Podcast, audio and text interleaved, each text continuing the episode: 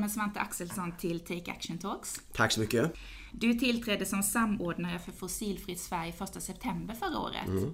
Kan du berätta lite mer om vad Fossilfritt Sverige är? Ja, det är ett initiativ som regeringen har sjösatt och syftet är ju att öka tempot i klimatarbetet. Så jag ser mig själv som katalysator, alltså en som påskyndar processen utan att, utan att själv förgås. Eh, för det är mycket som ska göras, så det är ju väldigt stort beting. Eh, men det är en påskyndare. Och det är mycket också att liksom få fart på olika intressegrupper. Eh, och också, jag brukar säga att jag har tre strategier. Mm. Ett är storytelling. Att berätta berättelsen om det goda livet. För jag tror det är väldigt viktigt att fundera på vilka mentala bilder vi har av det fossilfria samhället. Om vi är rädda i onödan för det fossilfria och kanske för lite rädda för klimatförändringen. Eh, ibland tycker jag folk nästan var mer rädda för klimatåtgärder än klimatförändringen. Eh, och då är man liksom illa ute i det kommunikativa om, om till exempel fossilfria bilar skulle vara värre än klimatförändringar. Så att eh, våra bilder av det goda livet är viktigt att liksom visualisera. Så vi längtar till det fossilfria samhället. Hur tycker du det, innan du går vidare på de andra två punkterna, hur, har du sett, hunnit se en förändring? Ja, jag tycker jag ser en förändring. Eh, det är ju liksom olika... Folk tänker ju kanske spontant säck och aska lite. Va? Fossilfritt, men hur ska det gå till? Alltså, nu tänker man ta bort det roliga i livet för mig. Eh, bilen, flygsemestern, eh, kött. Det dyker upp rädslor helt enkelt. Mm. Så, och sen har också, tycker jag kanske, jag själv och många andra får ta på sig kanske att man har pratat om klimatomställningen på ett sånt sätt att det är att uppoffra sig. Du måste ändra livsstil. Det är rätt mycket piska i eh, ordvalen. Och då, då bekräftar man ju att det man eh, vill tvinga fram är inte så roligt. Att det känns mer uppoffring ja. att det är något Och jag tror att det är tvärtom. Alltså jag tror att det samhälle vi kommer att mötas med fossilfritt har så många positiva bieffekter. Eh, och det börjar ju bli vanligare att tänka så. Man tänker solceller, man tänker elbil, elcyklar. Alltså elektrifieringen av transportsystemet gör att man blir lite mer taggad och intresserad. Och ingen tycker ju att det är en uppoffring att köra en elbil kontra en fossilbil. Så att just de här konkreta nedslagen, vad kan det innebära i mitt liv om det är fossilfritt? Det är viktigt att vi tar den diskussionen. Mm. För då får man också legitimitet för politiken som vill förändra samhället. Ja, positiva krafter är ju jätteviktigt. Ja. Att man ser att vi går mot något positivt, ja. som du säger. Inte mot och, och stadsutveckling kan man se som ett väldigt eh, konkret exempel. Att de mm. städer i världen som är väldigt populära. Mm. Vancouver, Freiburg, Seattle, Köpenhamn.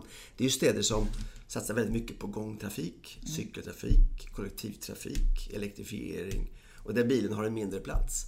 Men det kan ju låta som att, okej, okay, får inte bil, trängs bilen undan? Ja, det gör den ju. Men folk älskar det. För det är tryggare, det är mindre buller, det är renare luft, det är mer eh, mötesplatser, mer torghandel. Alltså det är helt enkelt en trevligare stad.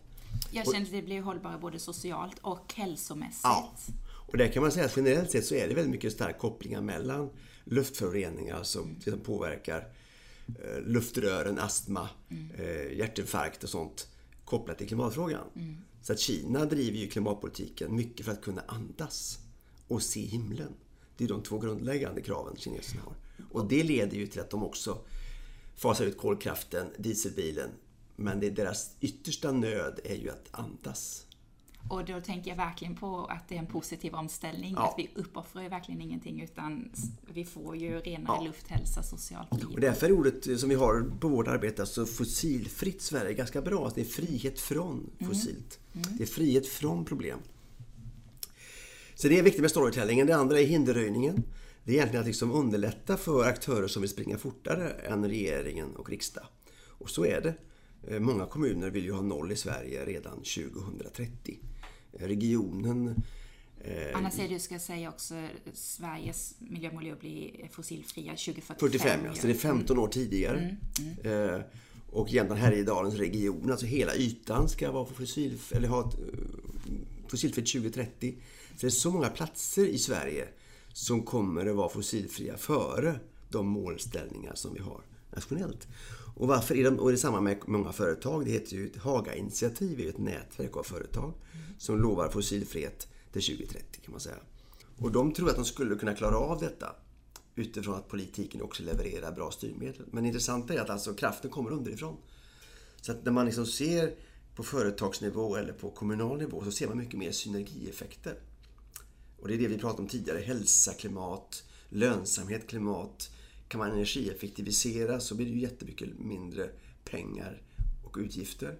Och det ger också bättre för klimatet. Så att man har massa goda kompisar i klimatfrågan som gör att det blir lättare att räkna hem nyttan av klimatåtgärden. Den har många andra bonuseffekter. Så därför jobbar vi mycket med hinderröjning för att frigöra de som vill springa snabbare. Som att släppa en häst lite grann så här, Släpp tyglarna så går det fortare. Och eh, kommunerna har vi ta fram nu tio förslag för eh, en frihetsreform för kommunerna. Exempelvis kan det vara att man ska ha rätt att differentiera parkeringsavgiften om du vill gynna kanske miljöbilar i framtiden eller eh, bilpoolsbilar eller andra saker. Du ska få leka med p-avgiften. Du ska också slippa att ha en, en låsning i att när du bygger ett hus så måste det finnas ett visst mängd parkeringsplatser. Men det är väldigt gammaldags eftersom det är ju tillgängligheten som ska finnas, inte att äga en egen bil. Så det finns massa sådana här eh, dumma regler som vi vill ta bort. Och det är ett exempel på hur vi jobbar med hinderröjning. Mm. Att försöka föreslå då för politiska partierna att eh, de här grejerna vore bra om ni tog bort. För då kan de här eh, kommunerna springa snabbare. Men de exemplen du gav nu, är det sånt som redan är grönt eller är det som ni har lagt fram som förslag som ni hoppas att... Det är ett förslag då. Mitt jobb är mycket att samordna. Mm. Så lyssnar jag in kommuner, lyssnar in olika experter och så tar jag fram ett paket som jag upplever har ganska stark så support. Uh, och sen har vi faktiskt lekt med, med det här också. Vi hade en konferens uh, den 11 september där vi bjöd in uh, Moderaterna, Liberalerna, Centerpartiet, Socialdemokraterna och Miljöpartiet att förhandla de här tio punkterna på scenen, live. Mm. Och då i den övningen, vilket var, de har läst på verkligen och visste vad de höll på med. Åtta av tio förslag fick grönt ljus på stående fot. Så det är ganska stora chanser att vi får till en förändring i riksdagen utifrån de förslag vi lägger nu. Och hur snabbt skulle det kunna gå, just de här tio Ja, det är väl kanske enligt, det kan vara lite olika, för nu är det snart valår så att mm. Eh, i mars så slutar lite grann eh, beslutsprocesserna. Mm. Så jag kan inte exakt, vissa behöver utredas och vissa kan nog klubbas igenom. Men ändå att man får en sån klar signal så här tidigt mm. gör ju att man kan leverera politik ganska snart som löser upp de här knutarna. Det tredje benet är ju då utmaningarna. Och det är ju gänget inom Fossilfritt Sverige. Det är ett stort, nästan som en folkrörelse kan man säga. Vi är upp 270 företag och organisationer nu. Och det växer ju varje dag. Och de som går med, de vill ju stötta att Sverige ska vara en av världens första fossilfria välfärdsnationer. Det är ju en slags affärsidé kan man säga för Sverige. Att vi ska sprida god teknik till övriga världen. Det räcker inte att bara städa i lilla Sverige. Vi är för få för det. Ska vi påverka världen så måste vi sälja också smarta grejer till Kina och Indien så att de kan snabba på sin, sin samhällsomställning. Eh, och utmaningarna i gruppen är en slags träningsläger. Jag brukar säga att det här är en slags eh, klimatets svettis. Alltså man går in här och tränar och funderar på vad ska jag bli bra på? Så vi har utmanat dem på ett olika sportgrenar. Eh, och det är alltifrån sätta solceller på taket eller då kanske lova att köpa fossilfria transporter Före 2030. Eh, många skrev in 2020, 2022, 2023. Arla exempelvis som producerar, transporterar mjölk i Sverige har ju lovat att fossilfria 2020 exempelvis. Både från bonden till mejeriet och från mejeriet ut i affärerna ska allt vara fossilfritt. Eh, sen har vi andra, har vi också haft klimatväxling. Där man alltså självbeskattar sig. Eh, man sätter alltså egen skatt på sitt eget flygande. Och så tar man intäkterna själv tillbaka till organisationen. Och det kan låta lite rundgång av pengar, men det styr faktiskt rätt mycket. Vissa eh, regioner har minskat sitt flygande med 70 procent. För att de själva har lagt på en högre avgift på flyget. Och sen lägger man den där egenavgiften i en egen pott. Och den potten används för att liksom underlätta för eh, personalen att eh, typ kommunicera digitalt. Eh, så man får en, kostnadsökning på beteendet och man får också en investering av de pengarna sen som hjälper till att byta beteende. Till ett mer hållbart, ja. ja. Återinvestera. Så. så det är ytterligare en sån här utmaning och många, det är ju hundra, ja, ungefär hundra stycken som har hängt på solceller och, och transportutmaningen. Och häromdagen så lanserade vi ju då eh, tjänstebilsutmaningen eh, där vi ju nu tror på en riktig kioskvältare Eh, eftersom vi nu byter eh, styrmedel för hur man ska stimulera bilköp. Eh, vi står ju i en slags transformation, alltså vi ställer om mycket snabbt nu i, i bilflottan tack vare tekniksprång. Ungefär som när iPhone kom, smartphone-telefonen kom kontra den vanliga telefonen. Och det är elbilen som, som chockar alla med att den blir så billig så snabbt. Eh, och nu kommer det ju styrmedel som heter bonus malus. Alltså bonus är ju att få pengar och malus är att få betala pengar. Så vissa, vissa då bilar man köper får man ju rabatt när man köper. Och de mer törstiga och bränsleslukande bilarna får man en skatt på. Eh, och det här gör ju att vi får en ny typ av miljöbilar. Och det är tre stycken bilar som blir miljöbilar. Det blir el, bara el hybrid som går på bensin och el och biogasbil. Så det är de tre som vi vill boosta nu då. Och nu vill vi få alla företag och andra att eh, bara köpa miljöbilar enligt den nya definitionen. Eh, och vi tror att det kommer att vara precis det som alla vill göra just nu. Och de, de, det här har redan slagits igenom, eller de här styrmedlen finns redan De ska ju klubbas i riksdagen men de är ju accepterade så att det, mm. känns som att det så kommer det bli nu. Mm, mm. Och det här andra systemet dör ut 1 juli 2018. Så då är ju, idag är ju faktiskt lite, kanske lite paradoxalt, en dieselbil är ju fortfarande en miljöbil enligt Skattemyndigheten. Men det kommer det inte vara från 1 juli Nej, nästa år? utan då är det bara tre mm. som vi kan... Eh, och nu vill vi tidigarelägga detta för att just företag och kommuner och andra är ju stora uppköpare av nya bilar. Alltså privatpersoner köper ju mindre än hälften. Utan kan vi påverka företagsbilarna så påverkar vi ju hälften av nybilsförsäljningen. Och då får man ju också stor påverkan på andrahandsmarknaden sen. Så det här är enormt viktigt och det är ofta lönsamt för dem. Så att, ja, jag tror det kommer att bli riktigt populärt. Och det är detta som är tjänstebilsutmaning som du pratade om som startade ja. förra veckan. Ja. Att ni uppmanar företag att lova vi köper bara eh, den nya definitionen av miljöbilar. Från och med nu redan? Ja. Mm. Och hur, hur redovisas detta? Ja, då sätter man ju upp sig på eh, en lista och offentliggör sitt åtagande. Och då tar man ju en slags risk om man skulle ljuga där, för det är lätt att kontrollera. Och jag tror inte det finns någon anledning att någon skulle göra det, för att det blir ganska tråkiga nyheter för det företaget. Eh, så att det här är nog rätt så eh, säkert och det är också ganska lönsamt för företagen att göra så eftersom man nu får rabatt på de här bilarna. Och hur går ni ut med detta nu då att eh, hela Sveriges tjänstebilsektor mm. förhoppningsvis ska bara ja, men Då använder vi ju lite de här klassiska sätten. Alltså vi, vi har ju vårt gäng som vet om det här redan. De här 270 företagen. Det är ju stora företag. Det är ju det är Volvo, det är Scania, det är liksom SSAB, det är liksom Prim. Det är de här som är med i Fossilfritt Sverige. Mm. Så det är ju bara, bara att liksom nå sina egna medlemmar mm. är ju en stor kontaktyta. Mm. Och det är ju jättemycket. Så fick vi bara alla tjänstebilar i den gruppen så skulle vi kunna välta stora lass. Mm. Eh, men vi går också ut förstås i sociala medierna. Vi går ut i, hoppas vi, eh, i debattartiklar som berättar det här. Så det ska ju nå alla att det här pågår men det är framförallt nu eh, företagen och kommunernas upphandlare som ju specifikt ska ta besluten. Och sen tror jag vi andra individer som behöver bil, vi kommer nog hänga på nu. Men, men det snabba rycket det blir när de stora företagen tar sitt beslut.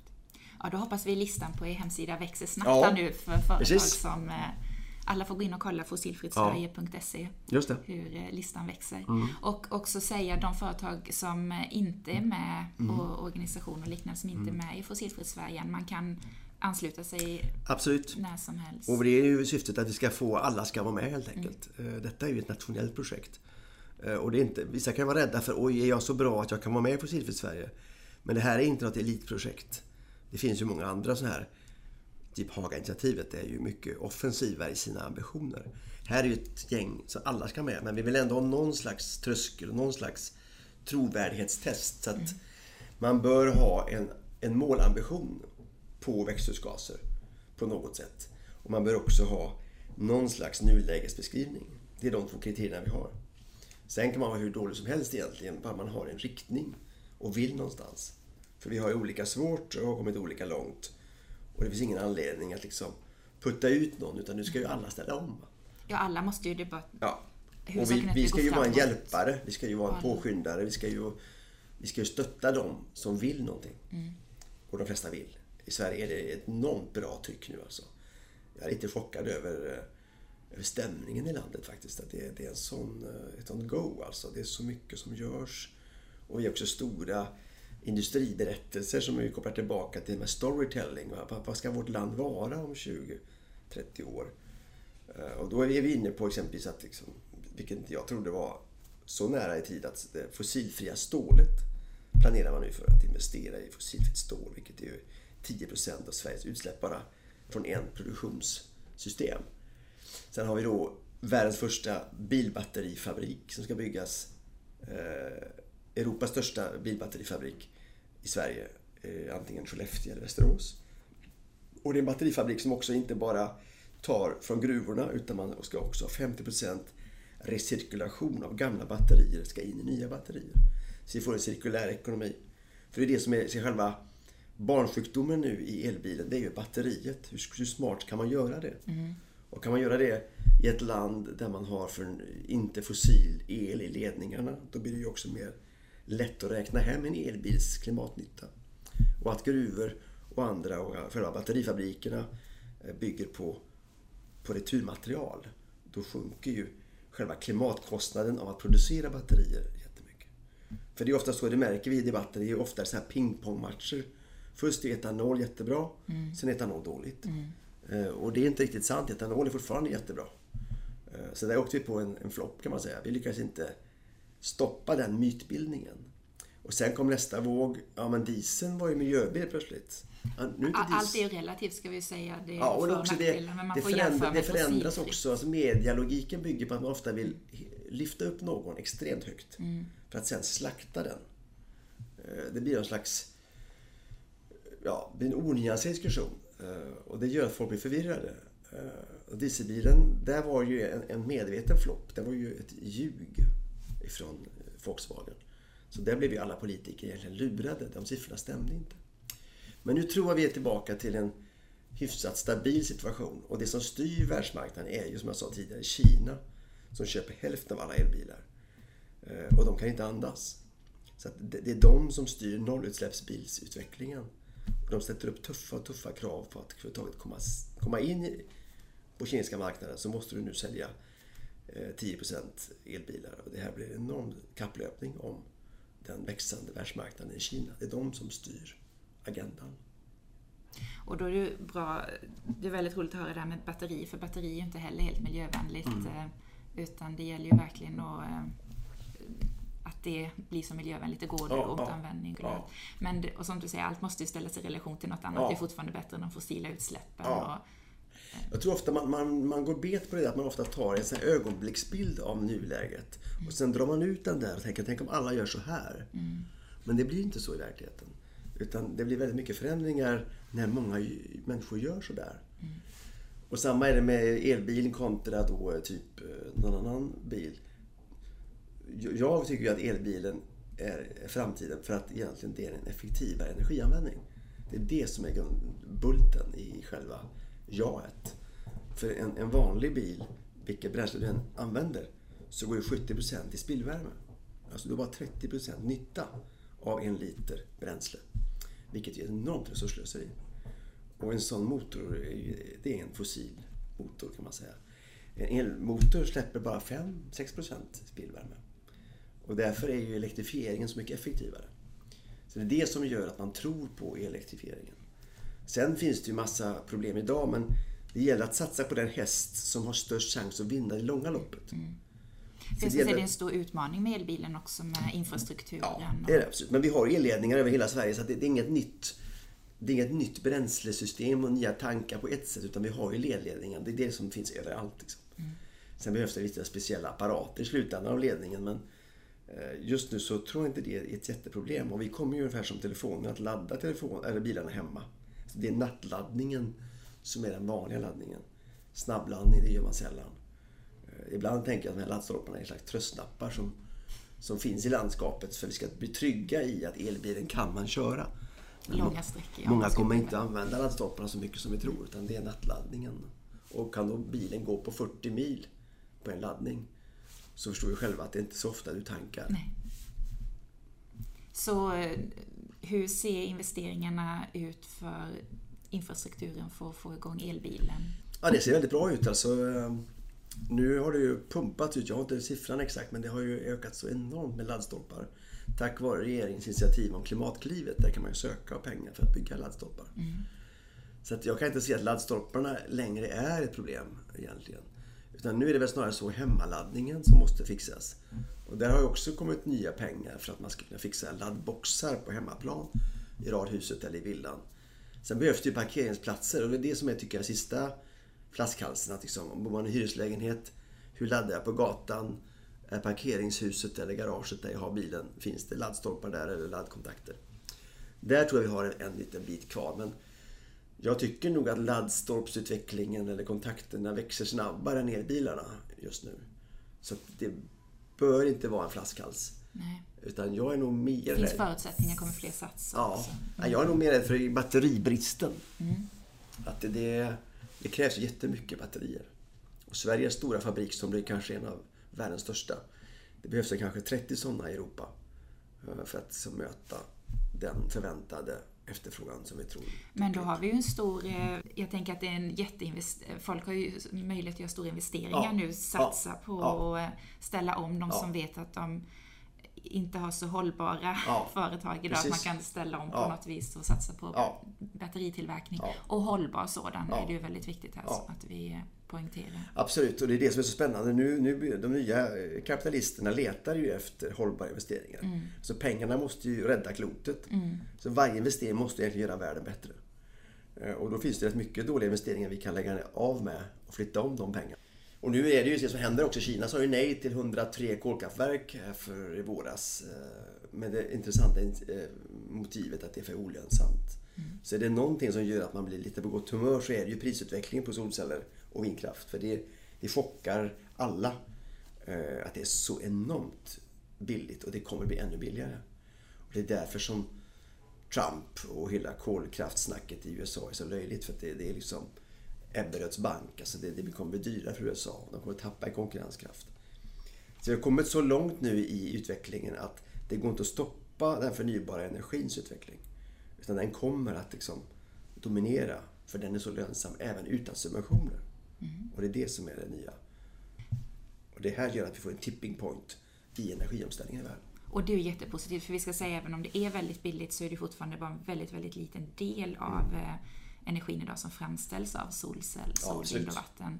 Men det är ju superpositivt att, att det ökar ja. så snabbt. Så Man ska ju se på investeringsströmmarna. Så att säga. Vad, vad byggs det för saker idag? Mm. Och då är ju vind och sol mm. dominerande. Mm. Eh, det går ju inte så mycket till kärnkraft och Nej. kolkraft. Så det, det är där man ser att slaget är vunnet. Ja. Det ser man i ja. nyinvesteringsportföljen. Precis. Ju mer det växer och det andra ja. fasas ut. Sen kommer det andra klinga av. Ja. Och det är därför vi också ser att utsläppen av koldioxid inte har ökat på tre år i världen. Trots 3 tillväxt. Så att vi är, vi är sannolikt inne i en tipping point där världen håller på att ställa om. Eh, och det är det mest hoppfulla vi kan berätta just nu. Det är att liksom, de tre varmaste åren är ju enormt allvarlig signal.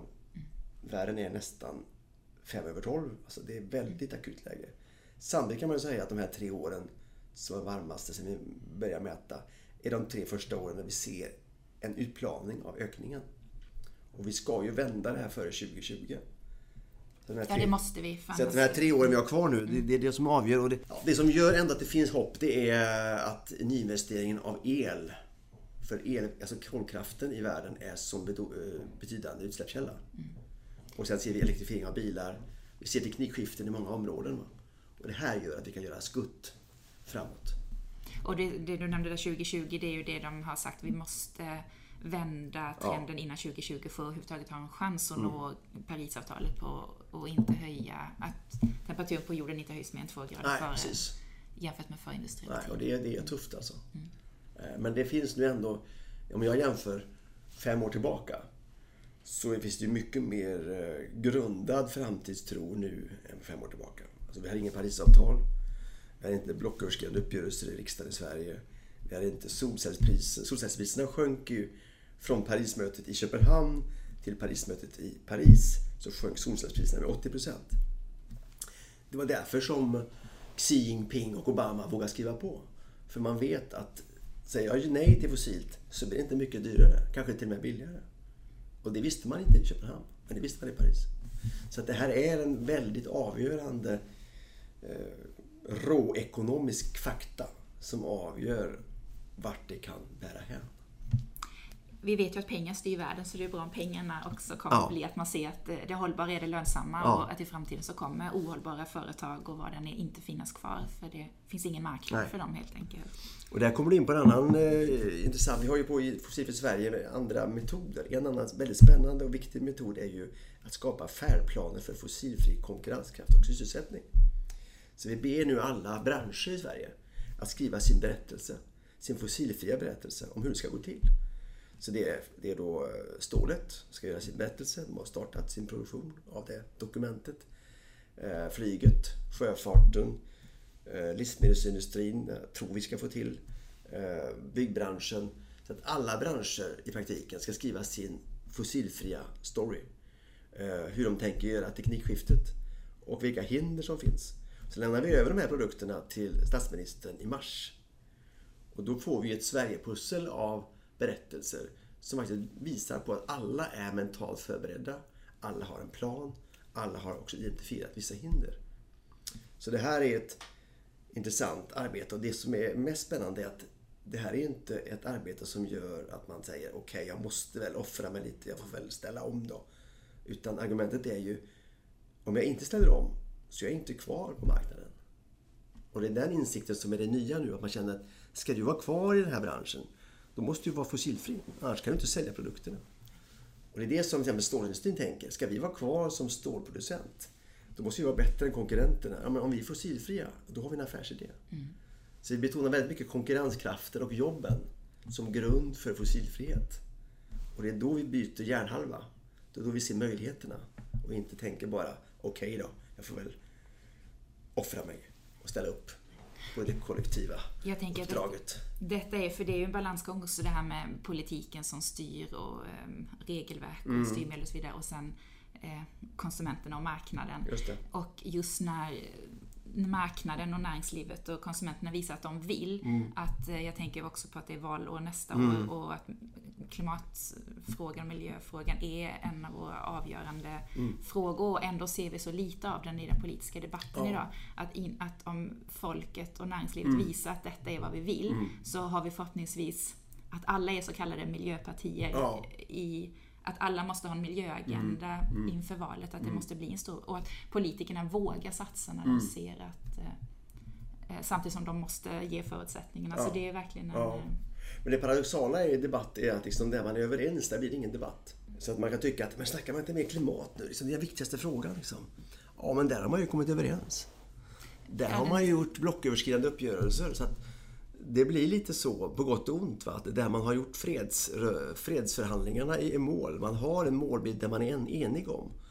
Det blir inte lika mycket snack. Där man har stor oenighet, det är det som blir debattprogram i TV. Mm. Och då kan vi tycka att men det är fel fråga man debatterar. Men, men det är inte riktigt så alla gånger. Vill du påstå att vi redan är i hamn på... Nej, jag vill säga att vi är halvhamn. Mm. Eftersom det är helt unikt att båda blocken har bestämt sig för klimatneutralt Sverige 2045. Mm. Man har bestämt sig för 70% reduktion av trafiksektorn till 2030. Mm. Eh, eh, och man är också ganska överens om många styrmedel. Den här bonus malus jag pratade om, mm. den är man överens om. Sen finns det fortfarande eh, viktiga fighter om styrmedel och investeringar. Den här regeringen som nu investerar enormt mycket klimatinvesteringar. Så det är viktigt att man får till styrmedlen. Jag tänker det är fortfarande mycket hur man ska satsa och ja. infrastruktur ja. och tåg, bygga ja. ut tågnätet och flygskatter. Och mm. man är, man är Det finns några fighter kvar men även på, på järnvägen är det ganska stor enhet om att man pumpar in pengar. Man har snabb, snabbtågfrågan som en egen mm. specialare. Mm. Men eh, den här enorma satsningen på underhåll, där är det nästan eh, budgivning på att vem kan vara värst på att lova pengar. Så du menar att, vi ska vara, att det ska vara något positivt? Att vi inte ser... Eh, jag tycker att man ska se att liksom eh, klimatfrågan är någonting där alla i samhället nu är med på. Och vi måste öka tempot, vi måste inspirera varandra. Vi måste ta egna beslut på kommunal nivå, på landstingsnivå, i familjer, i företag. Men vi ska inte vänta på politiska beslut. Utan vi, vi ska känna att ja, men nu går tåget. Nu är vi i full gång. Alltså. Nu är matchen i full rörelse. Och jag tror att självbilden av om vi är i rörelse, den glappar. Jag anser att vi är i stor rörelse. Men jag tror inte tror att alla människor tycker det när man går ut på stan och frågar Tycker du att vi är på offensiven nu på klimatfrågan? Nej, vi hör väldigt lite om det där. Ja, du hör väldigt lite. Men det görs väldigt mycket. Och det är den paradoxen som är intressant. Och därför är storytellingen och berättandet så viktig. Och därför har ju också vi gjort konferenser runt Sverige som berättar vad gör man i Piteå? Vad gör man i, i Lund? Vad gör man i Norrköping? För det händer mycket, mycket mer än vad media och människor i allmänhet förstår. Och när man hör det där så blir man väldigt glad. Man känner, tjena det här var ju otroligt roligt alltså. Man sträcker på ryggen, man känner att det finns framtidstro. Och jag vill också vara med. Jag blir attraherad av att vara med i laget. Och det är den kraften som är den viktiga kraften, att berätta. Nu kör vi! Eh, och det är den berättelsen som Fossilfritt Sverige försöker berätta. För det skapar så mycket ny energi. Och sen ska vi klart ha en debatt i riksdagen om ännu tuffare styrmedel, ännu mer investeringar. Men vi ska inte tro att, att det speglar verkligheten. Utan tystnaden eh, den, eh, den, är talande den, i sig. Alltså, pratandets tid är förbi. Nu är det action som gäller. Ja, mycket intressant får jag säga. Annars hör man ju mycket att det uppmärksammas för lite i media och i debatter. Och... Jag tycker det uppmärksammas för lite det som görs. Mm. Alltså, de goda berättelserna har inte alls lika lätt att få utrymme i media. Alltså, alla tråkiga berättelser är nyheter. Mm. Alla goda berättelser är inte nyheter. Så funkar media. Så det, så, ja, det, det är väl, jag är väldigt glad att eh, få den här bilden. Mm. Att man inte har tänkt så att det kan vara något positivt också att det är tyst. För att, mm. Just för att vi har en blocköverskridande överenskommelse om mm. de nya klimatlagen och klimatmålen. Mm. Och, eh, men givetvis som du säger, det måste ju det måste ju till ännu mer. Ja, mycket, och fler, mycket, mycket, mycket mer. Ja. Så att vi får ändå hoppas att det blir en stor valfråga nästa ja. år. Men det, det finns också, kan man säga, nu har vi fått en politik som vi har fått bränslebyteslag, alltså vi har lag på att tvinga in biodrivmedel. Vi har fått mål, vi har haft investeringsstöd, Klimatklivet, Industriklivet. Vi har stadsmiljöavtal. Vi har bonus malus. Vi har järnvägssatsningar. Så att den här eh, mandatperioden har det hänt mycket. Och jag menar, då har man fått en väldigt bra förutsättning för att faktiskt ställa om landet. Så att... Eh, finns, finns, finns, finns några, vi har, har några önskelistor kvar va? Ja, eh, det har vi. Men, men nu har vi också fått ett antal styrmedel och investeringspengar. Vi är på god väg. Så då, nu kan man ju skapa mm. sån snabb förändring. Och alla ska med. Alla ska med. Alla ska med. Ja, alla vill med. Alla, ja, ja, precis. Annars blir man ju Det är ju roligt, det är roligt att rädda klotet. Det finns ju inget bättre. Nej, det, det, det, är, det är ganska meningsfullt jobb. Det är ett ganska meningsfullt jobb. Jag tänkte bara återgå jättekort till, du nämnde ju där att riksdagen har tagit beslut nu om att Sverige har ett mål att inte ha några nettoutsläpp av växthusgaser mm. 2045. Mm. Eh, och ett delmål på, att, eh, på 63 procent till 2030. Mm. Hur ser, ja, hur ligger vi till där? Mm. Ja, det är tufft. Alltså det, är, det är det här med att vi, ska ju vi ska ju ställa om, alltså det här transformationsordet, alltså vi ska göra om så mycket i grunden. Och det tar tid. Så frågan hinner vi? är frågan då. Och det jag tror att det nyckeln är, det behövs jättemycket investeringspengar. Alltså det behövs de här kapitalisterna som finns, alltså pensionsfonderna har ju 4 000 miljarder. Kan de få vara med och ställa om landet? För det är ju att bygga om från dagens stålproduktion till fossilfritt stål, det kostar många miljarder. Att eh, bygga en batterifabrik kostar 40 miljarder. Eh, att bygga fossil, eller klimatneutralt cement på Slite på Gotland kräver jättestora investeringar. Eh, bioraffinaderier. Tänk Preem i Lysekil, det stora raffinaderiet, ska ju vara fossilfritt runt 20, 30, 40 någonstans. Det krävs stora investeringar. Så alla vill och säger ja till det här, men det krävs ju stora kapitalbelopp. Och då måste staten, och det är kanske utifrån det här med politikens önskelista. Mm. Det behövs ju att staten på något sätt går i borgen och skapar mindre risker för kapitalet. Så att de vågar hoppa i olika tunnor. Det... Inte minst pensionskapitalet får inte, man får ju aldrig leka bort pengarna. Utan det måste finnas en borgenär som säger att jag tar smällen om det skulle gå fel. Och där är ju staten den stora björnen som man kan gå till och få, få säkerhet. Så att det här, som du säger, ska vi nå det här då måste mycket, mycket pengar in som kan hjälpa industrin att göra sprången. För det är också svårt i ett litet land som Sverige att gå långt, långt före när konkurrenterna inte gör det. Man kan säga det är svårt att ömsa skinn i en öppen ekonomi. Man är ganska sårbar precis när man byter skinn. Och därför måste vi ha en politik som, som möjliggör det här och där är vi inte riktigt än. Nej, det var så jag menade innan att, att vi är i hamn med klimatlagen ja. och, och, mål men det behövs ju fortfarande mycket mer. Ja, det är investeringarna, beslut. pengarna måste fram och det måste mm. bildas, vi pratar om gröna obligationer som ett ord. Mm. Det är ju ett eh, gammalt trick när vi byggde järnvägar förr i tiden. Vi köpte med en statsobligation. Folket satte in sina pengar, fick en garanterad ränta och med de pengarna byggde Sverige järnväg. Och så kan man ju tänka sig nu igen att man har en grön obligation som säger att liksom, puttar in pengarna här då får du garanterat 2,5% ränta. Och de pengarna använder vi för att göra det och det och det. Och det är ett sätt att liksom få kapitalet att bli öronmärkt in till de nödvändiga investeringarna. Så tror du att Sverige kommer vara fossilfritt 2045? Ja, det tror jag. Alltså ifrån 85% reduktion. Jag tror vi klarar ja. av det. Ja, precis. 85% reduktion jämfört och sen är det 15 med... kvar där. Ja, jämfört med 1990 ja. och sen 15% som vi klimatkompenserar ja. i, genom investeringar ja. i till exempel utlandet. Ja. Ja, men det är ju alltid svårt att prata om framtiden men det är ofta bra att titta i backspegeln. Hur fort har det gått liksom? Mm. Uh, om du hade frågat mig för, för 5-6 år sedan så hade ju aldrig jag trott att dieselbilen skulle vara död. Att solel var den billigaste elslaget. Att Sverige lyckats med blocköverskridande uppgörelser. Att Paris siktade på 1,5 grader. Att de skärpte målbilden. Eh, så att det finns mycket som har revolutionerat förutsättningarna bara på fem år. Tänker man ytterligare fem och fem och fem och fem år så händer det så mycket. Så att jag, jag tror med, dem, med den nöd som vi nu tyvärr observerar så kommer klimatfrågan inte att bli mindre utan vi kommer att ha mycket, mycket mer akuta eh, hot och lidanden som gör att människor kommer att omprioritera. Tyvärr. Kommer det lite för sent. Ja, vi skulle gjort mycket mer mycket tidigare men, mm. men som du säger, man kollar i perspektivet vad som har hänt ja. så mycket på så få år. Ja. Men, men eh, ja, som sagt, folk tror, tror jag, men Svante, du låter så hoppfull. Är det bara att rulla på? Nej, det är det inte.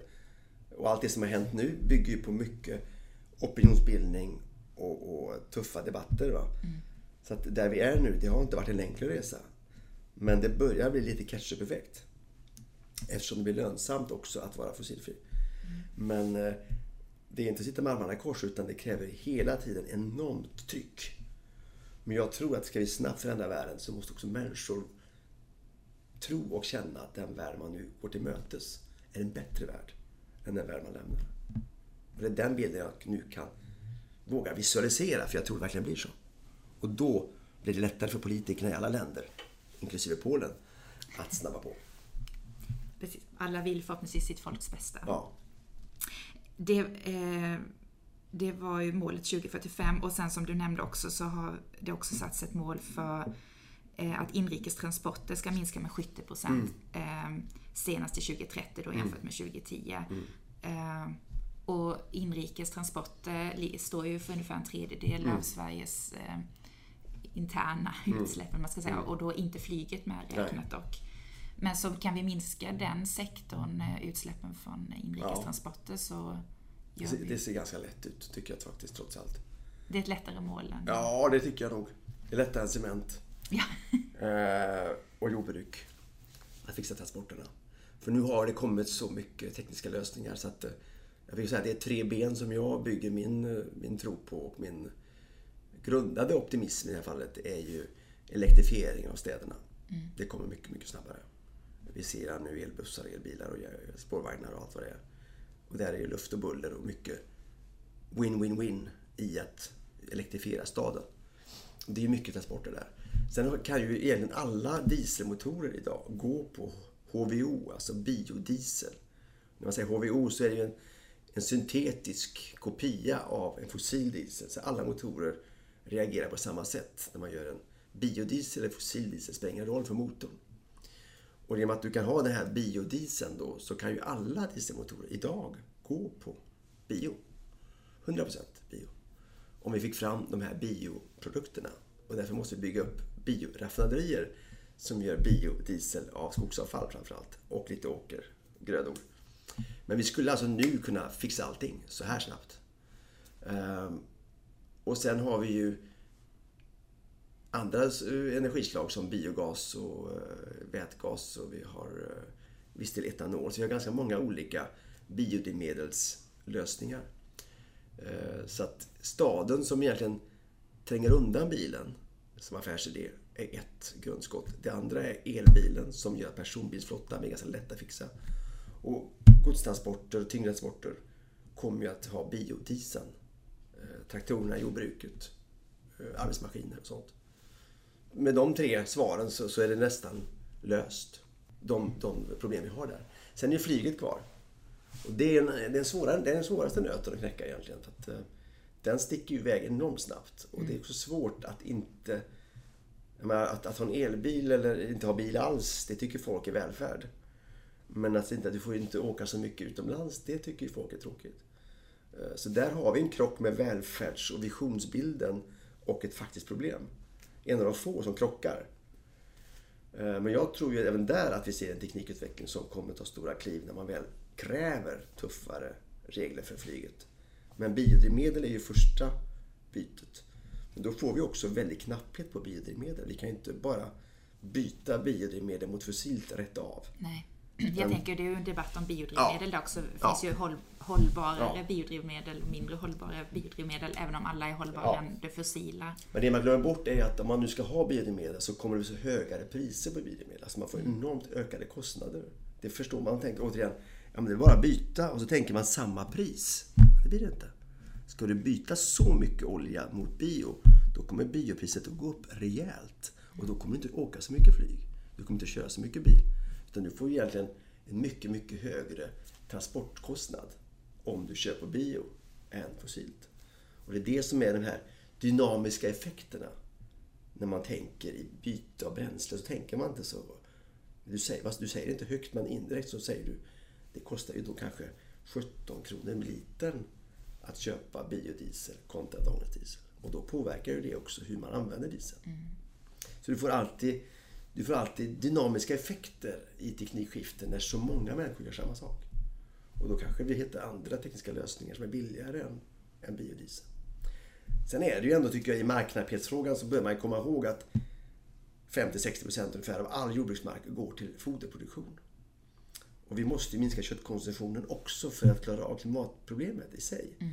Och det innebär att du får enormt mycket frihet av åkermark när du då minskar foderproduktionen till förmån för biodrivmedelsproduktion. Så när man ser det här pusslet så låser man ofta gamla pusslet och så ska det nya pusselbitar in och så är det fullt. Va? Men någon pusselbit ska ut också. För att en annan ska komma in. Ja, det är det vi måste göra för att ja. annars överskrider vi planetens ja, och det, det, vi måste det blir automatiskt så kan man säga. För om du inte minskar köttkonsumtionen så kommer du inte nå klimatmålet. Nej. Så du har det som en, en självklarhet nästan, som en grundförutsättning. Så köttet och bilarna hänger ihop kan ja, man säga. Ja, det gör de. Och jag tror att det, återigen, man måste inte vara vegetarian men man kan ju... Dra ner. Det finns återigen väldigt många studier och även värderingsmätningar att ungdomar, mina barn exempelvis, de, de lider ju snarare av att det är för mycket kött i vår matsedel än för lite. Så vi ser nya värderingar som tycker att gott liv är inte stora feta biffar utan det är kanske mycket mer vegetariskt, det smakar mycket godare. Jag brukar säga ibland att det är inte köttet som smakar så mycket utan det är såsen. Det, det gör att man liksom blir ganska trygg. Med goda såser. De får det vara kvar. Ja. Jag brukar avsluta varje podd med att fråga om några konkreta tips mm. som man kan göra i sin vardag för mm. i detta fallet då ställa om till ett fossilfritt Sverige. Mm. Så några korta konkreta tips både till eh, mm. privatpersonerna, företagen och mm. kanske även politikerna. Just det. Ja, jag brukar tänka att man ska börja där man själv har sin största energi. Alltså man ska inte gå in i moralismens eh, återvändsgränd. Eh, utan man ska fundera på vad vill jag, hur vill jag själv utvecklas? Vad känner jag för? Vad vill jag, eh, hur vill jag bidra? Och då är ju personer väldigt olika. Någon kanske säger att för mig är det ganska lätt att och faktiskt eh, kanske satsa lite mer på vegetariska rätter och köpa lite kokböcker och utveckla min min, min kockkunskap i att hitta spännande maträtter. Det är ju en spännande väg. Eller så kan man säga att man kanske ska satsa på beteskött och äta djur som har jagats eller som, som gör så mycket klimatnytta eller miljönytta i övrigt.